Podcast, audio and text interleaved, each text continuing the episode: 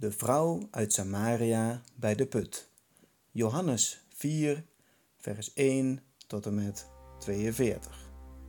Toen de Heer dan wist dat de Fariseeën gehoord hadden dat Jezus meer leerlingen maakte en doopte dan Johannes, weliswaar doopte Jezus niet zelf, maar zijn leerlingen, verliet hij Judea en ging weer naar Galilea. Nu moest hij door Samaria komen.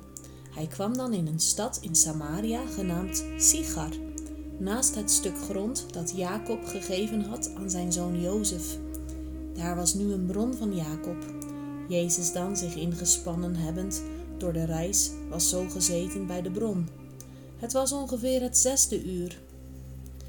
Er kwam een zekere vrouw uit Samaria om water te putten. Tot haar zei Jezus: Geef mij te drinken. Want zijn leerlingen waren gegaan naar de stad, opdat zij voeding zouden kopen. Tot hem dan zei de Samaritaanse vrouw: Hoe kan het dat jij, een Jood zijnd, van mij te drinken verzoekt, terwijl ik een Samaritaanse vrouw ben? Want Joden gebruiken niet samen met Samaritanen. Jezus antwoordde en zei tot haar: Indien jij wist van het geschenk van God en wie het is die zegt tot jou: Geef mij te drinken, zou jij hem verzoeken en zou hij jou levend water geven. De vrouw zei tot hem: Heer, u hebt niet een putemmer en de put is diep. Waar vandaan hebt u dan het levend water? U bent toch niet groter dan onze vader Jacob, die aan ons de put gegeven heeft? En hij heeft eruit gedronken, en zijn zonen, en wie door hem grootgebracht waren. Jezus antwoordde en zei tot haar: Een ieder die drinkt uit dit water zal weer dorst hebben. Wie echter ook maar drinkt uit het water dat ik hem zal geven, zal in eeuwigheid geen dorst hebben. Maar het water dat ik zal geven aan hem, zal in hem een bron worden van water dat opwelt tot in het eeuwige leven. Tegen hem zei de vrouw: Heer, geef mij dit water, opdat ik geen dorst zou hebben en ik ook niet hier kom om te putten. Tot haar zei Jezus: Ga heen, roep jouw man en kom hier. De vrouw antwoordde en zei tot hem: Ik heb geen man. Tot haar zei Jezus: Uitstekend zeg jij, een man heb ik niet, want vijf mannen heb je gehad, en die jij nu hebt is niet jouw man. Dit heb jij naar waarheid uitgesproken. Tot hem zei de vrouw: Heer, ik zie dat u een profeet bent. Onze vaders hebben op deze berg aanbeden, en jullie zeggen dat in Jeruzalem de plaats is waar men moet aanbidden.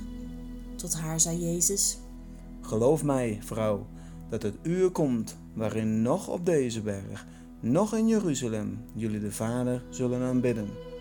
Jullie aanbidden wat jullie niet weten. Wij aanbidden wat wij weten, omdat de redding uit de Joden is.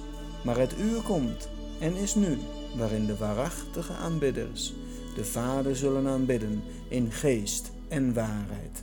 Want de Vader zoekt ook zodanigen die Hem aanbidden. God is geest, en wie Hem aanbidden, moeten in geest en waarheid aanbidden. Tot hem zei de vrouw: Wij weten dat de Messias komt, wat gezalfde betekent. Wanneer die ook maar zou komen, zal hij ons alles mededelen. Tot haar zei Jezus: Ik ben die met jou spreekt. En op dit moment kwamen zijn leerlingen, en zij verbaasden zich dat hij met een vrouw sprak.